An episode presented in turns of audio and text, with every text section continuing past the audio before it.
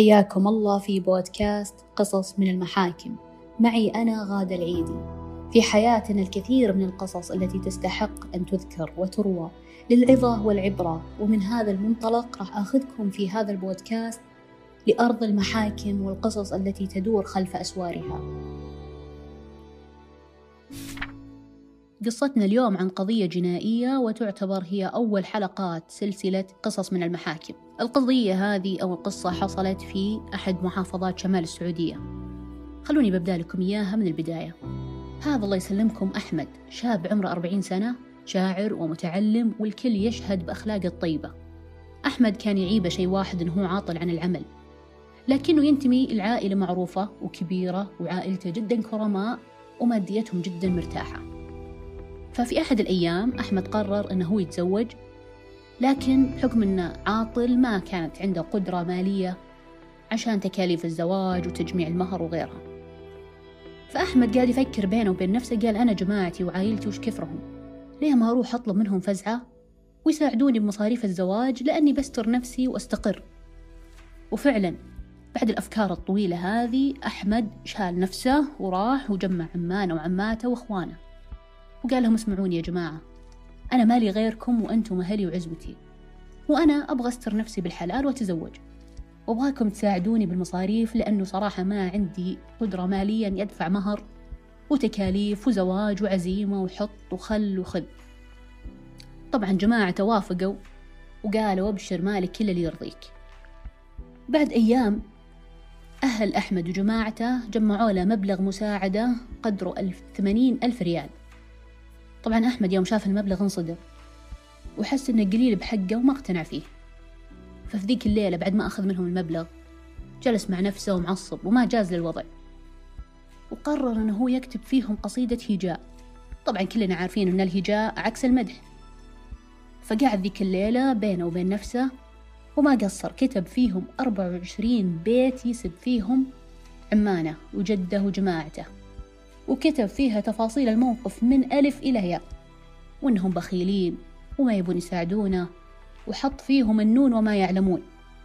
طبعا أحمد ما أكتفى بكتابتها. قال لازم الدنيا كلها تعرف أهلي وجماعتي وش سووا فيني. وعلم الناس كلهم إن أهلي ما وقفوا معي وفزعوا في مصاريف الزواج. أحمد بعد ما كتب القصيدة بدأ ينشرها بالمجالس كل ما راح مجلس قاعد يقول القصيدة لحد ما في أحد الليالي والأيام صيت القصيدة هذه وصل لعبد الله عبد الله هذا ولد أخو أحمد. طبعا عبد الله انهبل. قال هذه القصيدة واضحة فيها التفاصيل إنه حنا المقصودين فيها. راح علم أهله إنه أحمد يسبهم بالقصيدة قدام الناس وكاتب فيهم قصيدة هجاء مع إنه هم معطينه ثمانين ألف ريال مساعدة.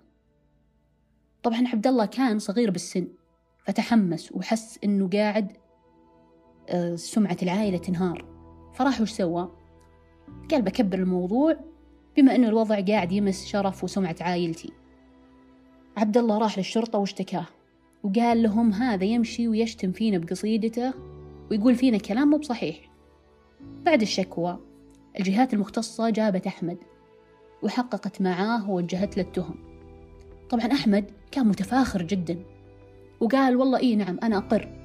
أنا جا أنا قمت وكتبت قصيدة هجاء بعمي وأهلي كلهم لأنهم ما ساعدوني بتكاليف الزواج. بعد ما أخذوا الإقرار وأقواله رفعوا القضية وجلسة ورا جلسة حكموا على أحمد بالسجن لمدة شهر ونص. وكتبوه تعهد قوي إنه ما يسوي هالفعل مرة ثانية. كون اللي سواه أحمد مو بس مشاكل عائلية الأمر دخل في نطاق تشويه السمعة والإيذاء.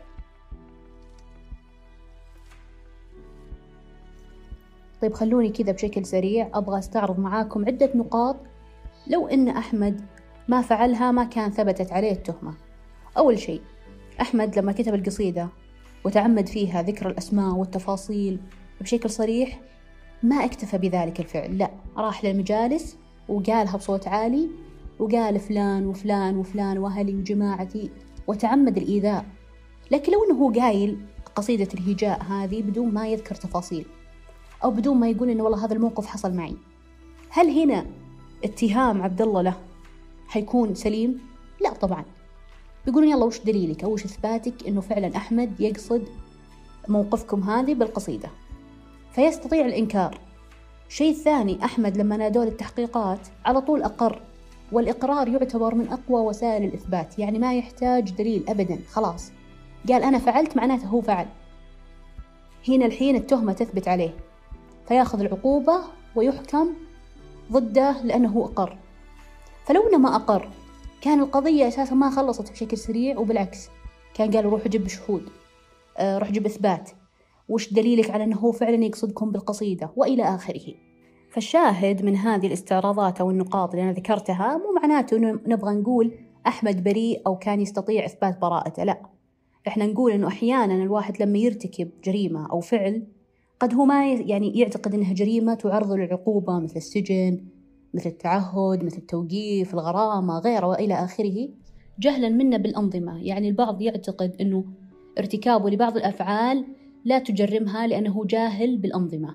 غير صحيح. يعني أحمد أنا متأكدة لو كان يعرف معلومة أنه الإقرار يعتبر أقوى وسيلة للإثبات مستحيل أنه يقر ويقول إيه والله أنا كتبتها وأبغى أشوه سمعتهم. وكنت معصب ورحت دخلت المجالس وتكلمت وقلت فيهم وفيهم وفيهم. لا أبدا أنا متأكدة أنه ما راح يبغى ينسجن مدة شهر ونص ويكتبونه تعهد عشان قصيدة هجاء كتبها أحمد بلحظة غضب. عشان كذا نصيحتي لهذه الحلقة لا تتخذ قرار وأنت معصب. حاله وتصرفاته لأنها قد تؤدي به إلى السجن.